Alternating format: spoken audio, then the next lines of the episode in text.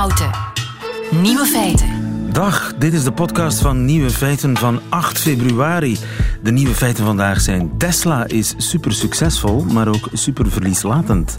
De nieuwe partij van Abu Jaja, B1, heeft meer dan 40 naamgenoten. Meer en meer vaders willen vrouw worden, maar nauwelijks mama's man. Verkoude artiesten treden toch op en Nancy Pelosi, 77, speecht acht uur non-stop in het Amerikaanse parlement. Hoe doet ze dat? Maar het nieuws van de dag komt toch van de webmaster van Studio Brussel, Inti de Keukenleraar. Inti, wat is het nieuws van de dag? Ongier is een ajoon. God is een ajuin. Dat is uh, nieuws dat kan tellen. Wat is er gebeurd, Inti? Wat heb jij gedaan? Ik heb een manier gevonden om via de website van het Vaticaan fake news uh, te verspreiden. Ik heb die mannen daarover ingelicht, uh, maar ze willen dat niet maken. Dus ik heb dan zelf maar een bericht de wereld ingestuurd. God is een aalsnaar. Jij hebt de website van het Vaticaan gehackt? Ja, ja ethisch, ethisch dan wel. Hè. Ik heb heel... Ja, maar je hebt ze gehackt? Ik heb ja, zo en, kunnen het noemen, ja. En de paus verspreidt nu de boodschap, God is een ajuin. klopt. Laat de feestelijkheden beginnen. Dankjewel in de keukenleren en gefeliciteerd. B1 is niet alleen de nieuwe partij van uh, Abu Jaja, Diab Abu Jaja. Het is ook een modeketen, B1, een fietsmerk, een communicatiebureau en nog zo'n dertig andere dingen. Goedemiddag, Meirem Kachar. Goedemiddag. Van uh, de partij B1, wisten jullie dat? Ja hoor, dat wisten we. We hebben voldoende juridisch onderzoek aan toegewijd voordat we hebben gekozen voor B1. Uh, wij onderscheiden ons omdat wij een politieke partij zijn. Dus wij moeten eigenlijk uh, denken aan domeinnamen. Dus eigenlijk domeinen. Hè? Dus uiteraard ook op uh, de, de B1 is ook door ons aangekocht op de sociale media. Maar is dat niet verwarrend? Want ja, je zal maar de partij zoeken en de modewinkel vinden. Wel, Modewinkel is eigenlijk in Nederland actief, dus in die zin zijn wij eigenlijk... Uh, of het communicatiebureau. Ja, ja, inderdaad. En het communicatiebureau is ook internationaal actief, dus daar zijn we ook safe. Eigenlijk moeten, hebben de politieke partijen een andere uh, gang van zaken, want wij mogen op geen enkele manier uh, in concurrentie gaan met andere politieke partijen. Mm-hmm. En bovendien heeft niemand een ja, uh, patent op het op, Engelse woord be en one. Ja. En bovendien maar hoe moet dat met de sociale ons, media? Hoe moet dat met de sociale media, website, Twitter-account? Dat is toch niet simpel super. allemaal? Super. Wel, het is in die zin simpel. Onze, wij onderscheiden ons op uh, Facebook met B1Party en op de Twitter B1 platte streep party. Dus wij voegen daar uh, op alle um, communicatie party aan. En B staat voor België, punt. En One uh, staat voor eenheid en, uh, en kwaliteit. Ja. Dus we zijn maar nummer één. Hebben jullie al reactie gekregen van uh, een van jullie naamgenoten? Nee, nee. En dat verwachten we ook niet. Want we hebben daar voldoende uh, ja, voor, uh, vooronderzoek aan gedaan. En ook uiteraard, ben zelf uh, een advocaat, jurist. En heb ik ook de gespecialiseerde ja, advocaten, collega's daarover gecont gecontacteerd. Dus in die zin, daarover zijn we, zijn we, zijn we safe. En onze kleur is ook heel speciaal. het is Bordeaux. Het gaat voor, staat voor vastberadenheid en diepgang. Oké. Gefeliciteerd met Bordeaux dan. Mariam Kacha, dankjewel voor dit gesprek. Ik ga even naar een collega advocaat dan, Bart van Bezien. Goedemiddag. Goedemiddag. U bent advocaat gespecialiseerd in uh, merkenrecht. U heeft uh, mee zitten luisteren naar uh, wat Meirem Kachar van B1 daarnet vertelde over het merkenrecht. Heeft ze gelijk? Zitten ze safe? Ik, ik, denk het wel. Ik denk het wel. Op zich moet men uh, bij, bij merken altijd kijken of dat daar een verwarringsgevaar bestaat. Um, en uh, het, het, klopt hier inderdaad dat er een aantal andere partijen zijn die de naam B1 gebruiken. Uh, en Enig idee hoeveel het er zijn? We hebben dat wel gedaan, um, maar dat is dan meestal wel voor echte andere, andere diensten, om het zo te zeggen. Ja. Dus die zitten in een hele andere sector, uh, bijvoorbeeld um, fietsen, kledingstukken, vliegtuigreizen, dergelijke meer. Dat komt eigenlijk niet echt in de buurt en dan is er weinig of geen verwarringsgevaar en dan moet dat eigenlijk kunnen. Um, nu, ik moet zeggen, van, ik heb heel even uh, kort opgezocht en er zijn een tiental merken die echt B1 heten. Dan zijn er een, een goede 30, 40 waar de woorden B1 in staan samen met andere woorden. Uh, het toeval wil eigenlijk dat er gisteren een, een merk ge, uh, gepubliceerd is. Uh, B1 ook een, een woordmerk. En uh, ja, ik, ik, ik, denk ook niet dat daar voor dat ene merk een probleem is. Uh, maar dat is onder andere aangevraagd voor het uh, uitzenden van de radio- en televisieprogramma's, culturele activiteiten, ook dergelijke huh? meer. Ik denk niet dat dat echt ehm, helemaal overlappend is. Dus B1 zou ook kunnen, een televisiekanaal ja. kunnen worden of een radiokanaal? Nu, uh, Wel, dat, dat is aangevraagd. Dat door, is aangevraagd. Door, ja, ja, Misschien is dat toevallig op dezelfde dag dat de partij uh, haar geboorte bekend maakt. Maar, maar als ik het samenvat, het, het, ik mag ja. een partij oprichten met de naam Apple. Uh, ja, dat, uh, dat zou geen probleem moeten zijn. Er is natuurlijk een merk geregistreerd Apple voor computers, maar dat is iets helemaal anders. Um, en en, en als, je dan, als je dan een politieke partij gaat, uh, gaat opstarten onder, onder die naam, is daar eigenlijk geen, geen verwarringsgevaar. Dus dat zou, dat, zou, dat zou mogelijk moeten zijn. Dat is duidelijk. Dus soms, Dankjewel ja. Bart van Bezien. Goedemiddag. Nieuwe feiten. Bla, bla, bla. Radio 1. Sinds tv-journalist Bo van Speelbeek vorige week bekend maakte dat zij niet langer in een mannenlichaam wil gevangen zitten, kent u minstens één transvrouw. Maar maak u vragen, kent u ook een transman? Een man die ooit een vrouw was. Die zijn namelijk zeldzamer. En wat ik eerlijk gezegd nog nooit heb ontmoet, bedacht ik vanmorgen, is een transman met kinderen. Met andere woorden, een man die ooit mama was. Dokter Klaas, goedemiddag. Goedemiddag. U bent chirurg in Gent, transgender specialist. Dat klopt. Overigens, heeft u de aandacht een beetje gevolgd voor Bo van Speelbeek? Absoluut, absoluut. Uh, alleen met het genderteam in ons universitair ziekenhuis uh, allee, uh, volgen we hem zeker op de voet. Alle, alle nieuwe dingen, alle nieuwe ontwikkelingen en zeker ook de, de nieuwe, alle dingen in de media. Ja, die golf van steun en respect, hè? had u die golf verwacht? Um, het is inderdaad uh, zeer opvallend. Uh, we hadden die niet direct uh, verwacht, misschien een beetje wel. Ehm, maar het is toch altijd mooi hoe dat de reacties, allee, de positieve reacties toch naar voren komen. Wat toch heel mooi is om, om te horen. Het was misschien een beetje veel zelfs soms. Ja, inderdaad. Want ik moet ook zeggen, mijn, mijn collega professor Monstré had uh, in het weekend ook uh, in de tijd uh, een, een, artikel geschreven waar dat we eigenlijk ja, eerder ervan uitgaan of zouden willen dat het een, een soort van non-event is. Dat we eigenlijk het liever als iets normaals zouden zien, ja. zoals bijvoorbeeld transseksualiteit, wat nu toch heel goed aanvaard is. Homoseksualiteit, homoseksualiteit bedoelt u natuurlijk. Absoluut, ja, ik, ja, ik, ja, ja. dat klopt. dus je zou Bo van Speelbeek eigenlijk de Wil Verdi van de transgenders kunnen noemen. De, iemand die we allemaal als man gezien hebben, die voortaan een vrouw is. Voilà. En dat heeft ongeveer uh, een gelijkaardige shock uh, teweeggebracht als uh, Wil Verdi ergens in het begin van de jaren zeventig. En inderdaad, vanaf vandaag is eigenlijk is het een mainstream onderwerp geworden. Vader is voortaan een vrouw. Dat is still a no big deal. Er zijn zelfs leuke tv-series over gemaakt in Amerika. Denk aan Transparent, Amerikaanse serie over een gepensioneerde professor politicologie. Maar wat ik eerder zei, moeder is voortaan een man. Komt dat eigenlijk voor?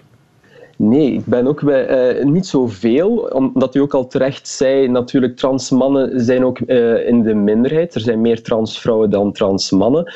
Uh, dat is ook al het eerste. Um, verder hebben wij ook in, on, in, ons genderteam over de loop der jaren niet zoveel van die, van die personen gezien. Wat is niet zoveel? Kun je daar een getal op Goh, ik, ik, sprak met, met Els Elout, onze psychologe bijvoorbeeld, en zij herinnerde zich in, op de loop van elf jaar maar drie of vier patiënten. Dus, drie of vier mama's die eigenlijk papa's willen worden, bij wijze van spreken. Inderdaad, daar, daar zegt u het juist. Dus het is dus, extreem uh, weinig, want jullie zien echt uh, ja, honderden uh, patiënten per jaar. Zeker, zeker, ja. inderdaad. op elf jaar zijn er maar drie mama's.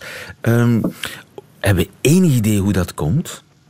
Goh, ik denk, denk, dat de oorzaken een, een beetje uiteenlopend zijn. Ik denk misschien ook enerzijds, als je dan begint aan, aan, aan op jonge leeftijd, uh, veel van die, van die trans mannen uh, ondergaan een puberteit die zou ik zeggen, krijgen ontwikkeling van, van toch geslachtskenmerken die niet passen bij uh, de, het idee ja. dat die persoon. Dus de lokroep van het moederschap voor die transmannen is heel klein. Voilà, inderdaad, daar zegt u het juist. Uh, dus uh, ze, ze, worden al geconfronteerd met die puberteit. Als ze dan daarna ook nog allez, kinderen zouden moeten krijgen, past dat helemaal niet in hun plaatje. Dus zij uh, voelen zich daar zeker heel onwennig bij. Dus de kans is klein dat zij zelf kinderen op de wereld willen zetten, want dat, dat vinden ze te vrouwelijk, neem ik aan.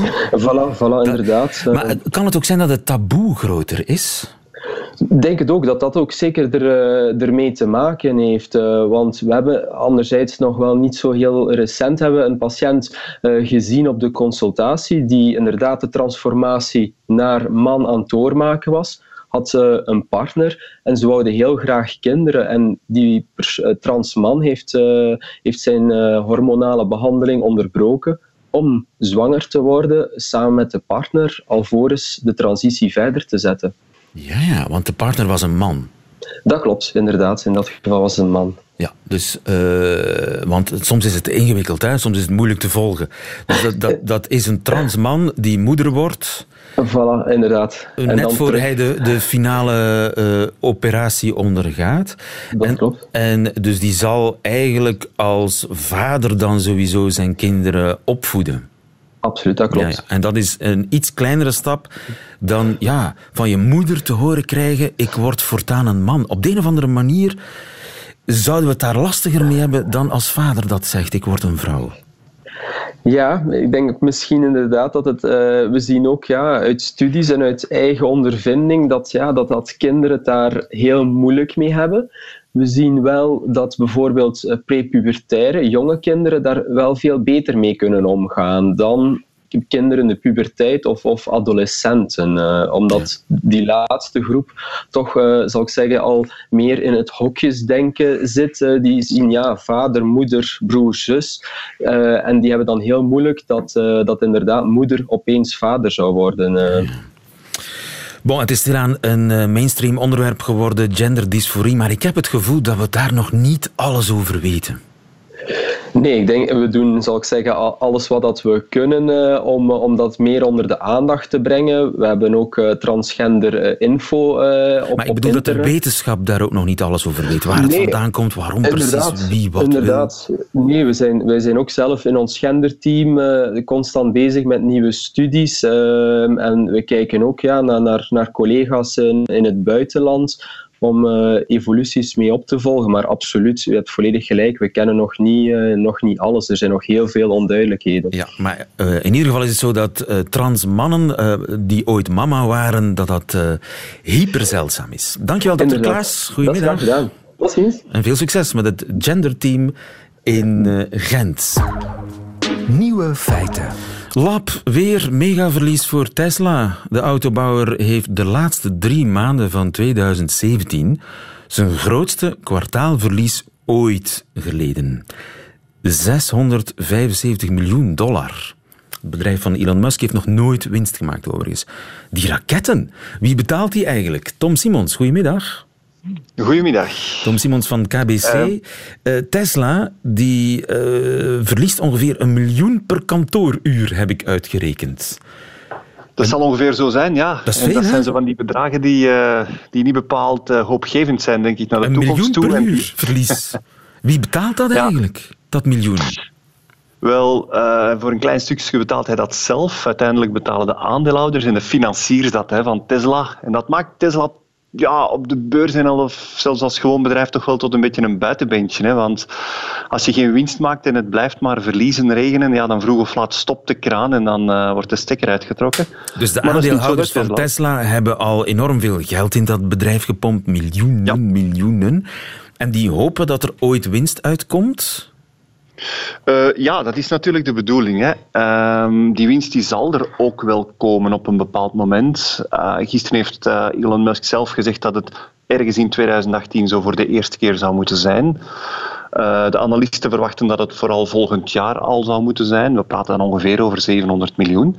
Maar de kanttekening daar, en dat is ja, toch wel belangrijk, 700 miljoen, misschien zelfs een miljard naar 2020 als het er komt, hè, want hij belooft altijd veel. Maar dat is veel minder dan wat er ooit in geïnvesteerd is. Om leefbaar te zijn, ga je veel meer winst moeten maken dan dat. Ja, dus en het geduld van die aandeelhouders zal op een gegeven moment wel op zijn.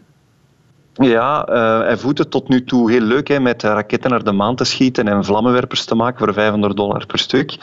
Maar dat heeft niks met Tesla te maken. Hij begrijpt heel goed hoe de marketing werkt. Het aura rond het merk Tesla en de auto's is zodanig sterk dat zelfs de aandeelhouders hem een carte blanche geven van doe maar op, ontwikkel het maar. Ja, ja. Um, maar zijn dat dezelfde aandeelhouders die dat, dat SpaceX-project uh, sponsoren? Nee, dat zijn andere aandeelhouders. Die, uh, Tesla is enkel de autobusiness en al de rest heeft uh, heel veel uh, Tesla, sorry, Elon Musk op zijn naam staan. Maar, dus dat is toch wel afgescheiden hoor. De ja, aandeelhouders ja. houden zeker niet met lachen. Maar hij betaalt veel uit eigen zak. Ook, ook die raketten betaalt hij gedeeltelijk uit eigen zak. Ja, absoluut. Het is een multimiljardair. Hij heeft nog wel wat opzij staan door de verkoop van vroegere ondernemingen. Hij kan tegen een stootje. Ah ja, hij en... heeft PayPal verkocht aan eBay, hè?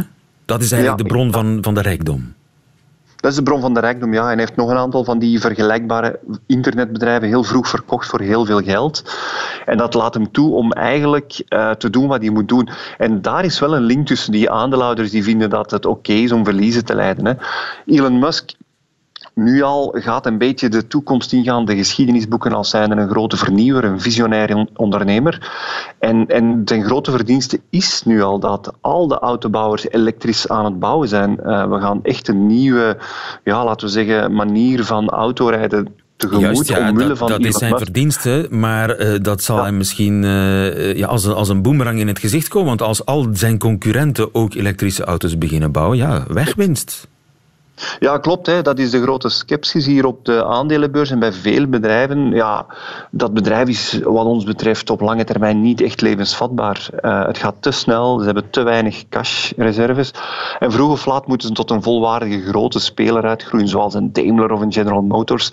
Maar goed, ja, uh, nu is Tesla wel hip, maar wat volgend jaar? Hè, dat, uh, dan komt BMW onder meer met heel zijn elektrische range naar de beurs. Nu goed, weet je, er is een parallel te maken met de historie, die zoals u weet al altijd rijmt. Niet niet echt uh, hetzelfde is. Maar je hebt daar een uh, geweldige ondernemer gehad. En dat was uh, André Citroën, die ook ten onder is gegaan, ondanks al zijn vernieuwingen met bijvoorbeeld de traction avant. Elon Musk zou wel eens hetzelfde kunnen gaan. Misschien gaat zijn bedrijf wel failliet, maar zijn ideologie niet. En dat is de droom die Tesla verkoopt, de droom die Elon Musk verkoopt. Het zal lukken hoor, de elektrische wagens, net zoals PayPal aan het lukken is. Maar de vraag is of dat de aandeelhouders daar beter van worden. En ja, dat is iets wat dat maar zeker Oh, niet zo is. Uh, ja. Dat is erg onzeker. Dat is natuurlijk een, een, zure boodschap voor die aandeelhouders die misschien wel hun geld nooit meer terugzien. Dankjewel Tom Simons van KBC. Goedemiddag. Radio 1. TV. Nieuwe feiten. Loopt u ook zo te hoesten en te snotteren zoals zoveel? U moet eens de trein nemen naar Brussel. Het is een concert, een hoestconcert, een niesconcert. Vervelend, maar voor een zanger of een acteur is het niet alleen vervelend, het is gewoon een ware ramp. Niet optreden is vaak geen optie. Wat doe je dan? Bijvoorbeeld Marco bellen. Goedemiddag, dokter Franken. Ja, goedemiddag. Uh, een uh, verkouden dokter Franken hier. Een verkouden dokter Franken, Marco Franken. De stemdokter van Nederland is zelf verkouden. Ja, en hij gaat het gewoon uitzieken. En je gaat het gewoon uitzieken, in tegenstelling tot veel van uw patiënten. Het zijn drukke dagen, neem ik aan, voor u. Uh, het wisselt hoor. De, de, zangers zorgen in het algemeen goed voor zichzelf. Dus wat dat betreft, het overkomt hun, maar het, het, het wisselt. Het, maar zeg, een, stel een artiest is volledig zijn stem kwijt. En die moet over een half uur het podium op. Er zijn honderden, misschien wel duizenden fans onderweg naar het concert. De catering is klaar. Iedereen, alles, er staat heel veel op het spel. En ja, hij is volledig, of zij is volledig zijn stem kwijt. Wat, wat kunt u nog doen? Nou, als iemand volledig zijn stem kwijt is uh, in, in vrij korte tijd, dan is vaak toch dat de, aniek, eh, de, de paniek en de angst toeslaat. Want meestal wordt de gewoon stem gewoon slechter.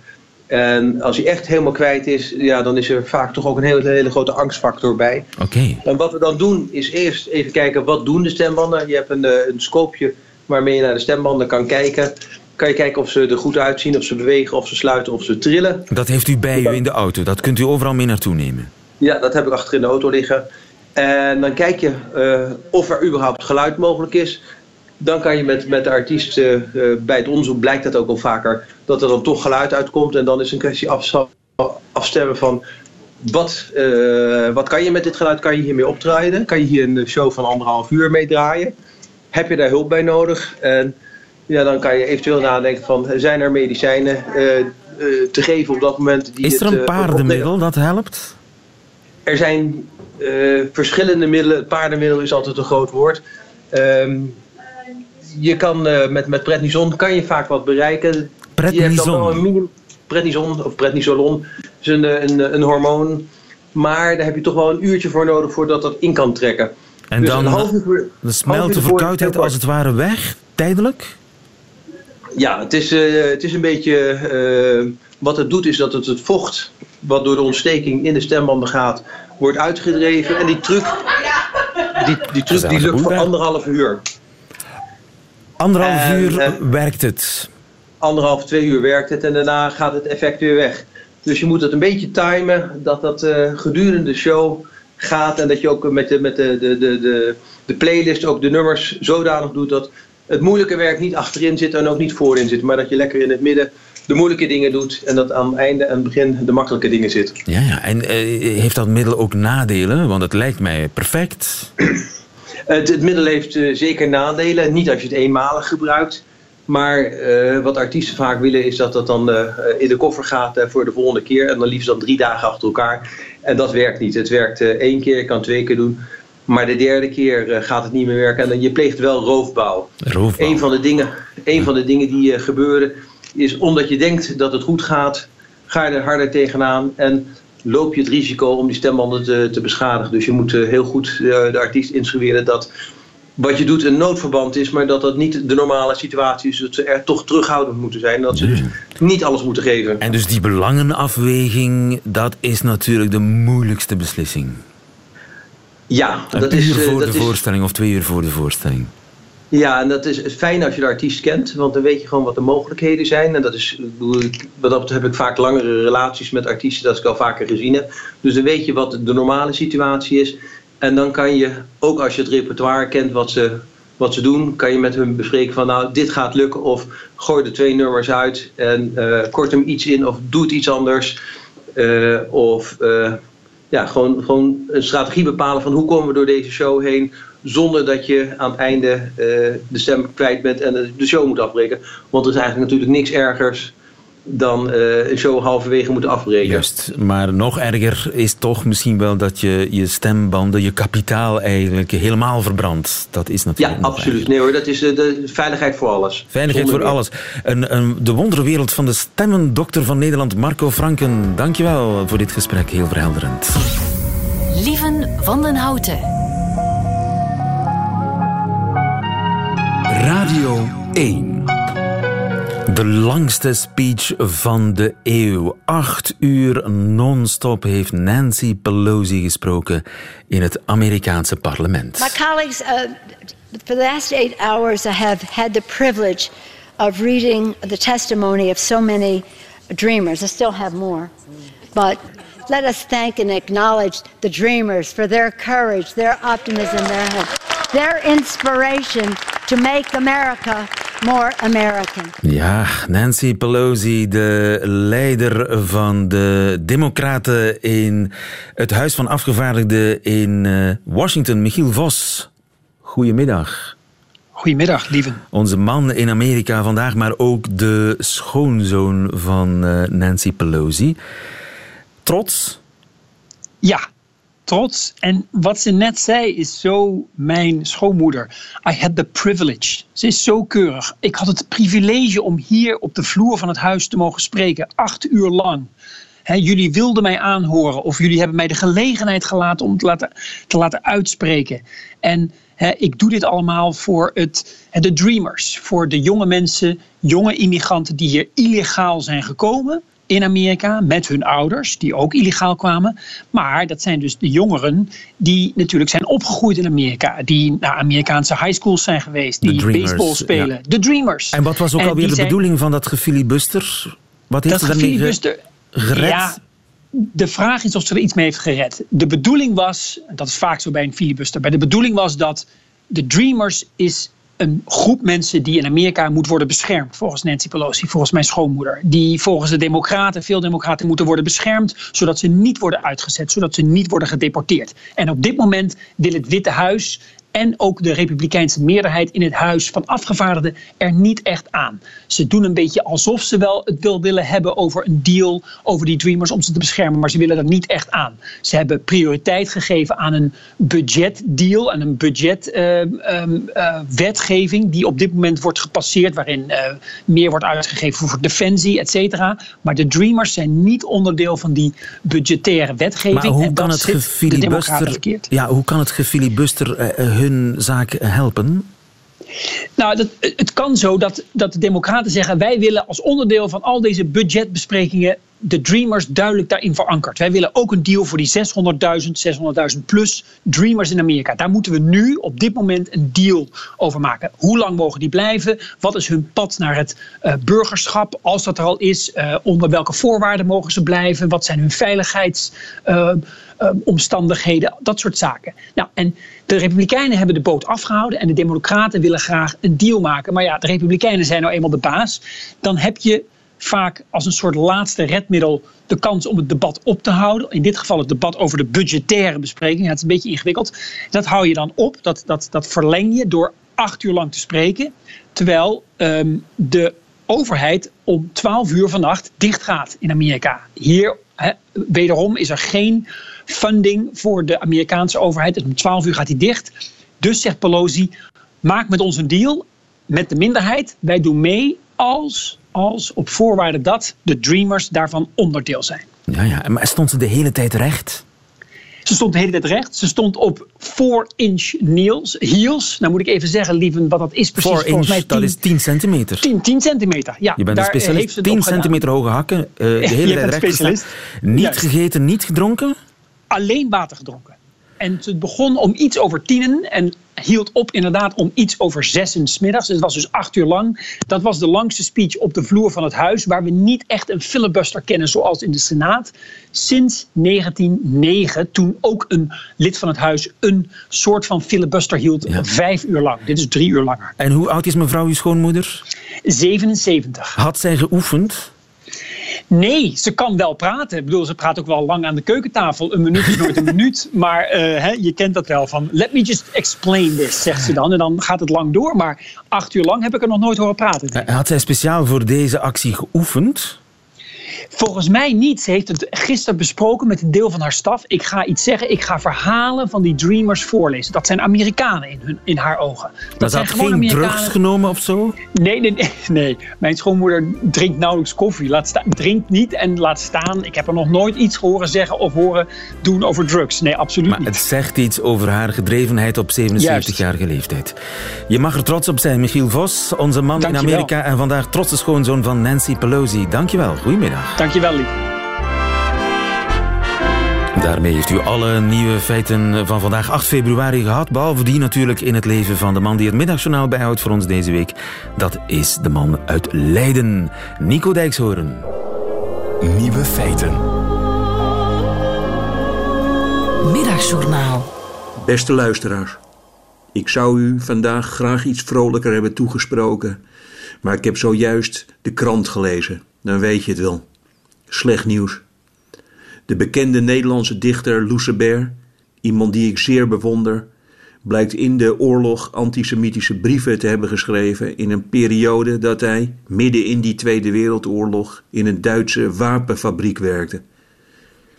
Lucebert is beroemd geworden door de zin: alles van waarde is weerloos. En dat geldt ook voor Woody Allen, die opnieuw onder vuur ligt.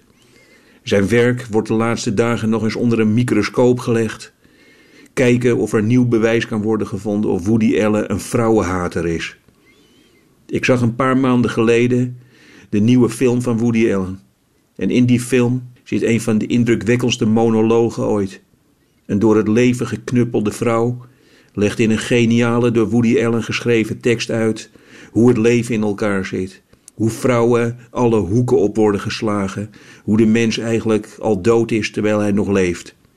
Ik ben twee dagen lang van slag geweest naar die monoloog. Nu willen ze in Nederland dat ik kies. dat ik alle boeken van Lucebert uit mijn boekenkast haal. En dat ik mijzelf met een riem op mijn rug sla terwijl ik naar een film van Woody Allen kijk. Ze willen dat ik Gerard Reven zijn racisme veroordeel en afstand neem van zijn wonderschone boeken. Ik moet publiekelijk afstand nemen van Louis Ferdinand Céline. Ik ga dat niet doen, want alle genoemde kunstenaars, schrijvers en filmmakers hebben mij, fout of niet, gered. Zij schreven, gedreven door welke wanhoop dan ook, over het gescharrel van de mens, hoe je er doorheen moet knokken, over de valsheid en het onherroepelijke tranendal dat leven heet. Ik weet wat ik voelde toen ik als vijftienjarige voor het eerst Gerard Reven las. Hier sprak iemand die mij eindelijk eens een keer begreep. Ik weet wat ik voelde toen ik Woody Allen zich in zijn films door zijn relatie zag rommelen. Die man, die begreep mij. En ik weet wat ik voelde toen ik Lucebert zijn gedichten las. Ik moest gaan schrijven. En het moest woest en het moest wild en snel een beetje. En nu, nu zou ik moeten kiezen. Ik doe dat niet. Zij hebben mij gered. Ik weet wat ik voelde toen ik ze las, toen ik hun film zag. En dat zal ik nooit vergeten.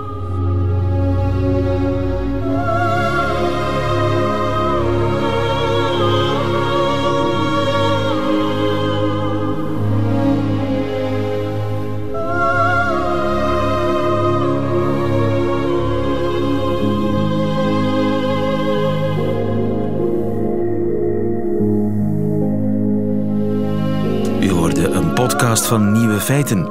Kent u die van Interne Keuken al? Ook heel interessant. U vindt hem en vele andere podcasts op radio1.be.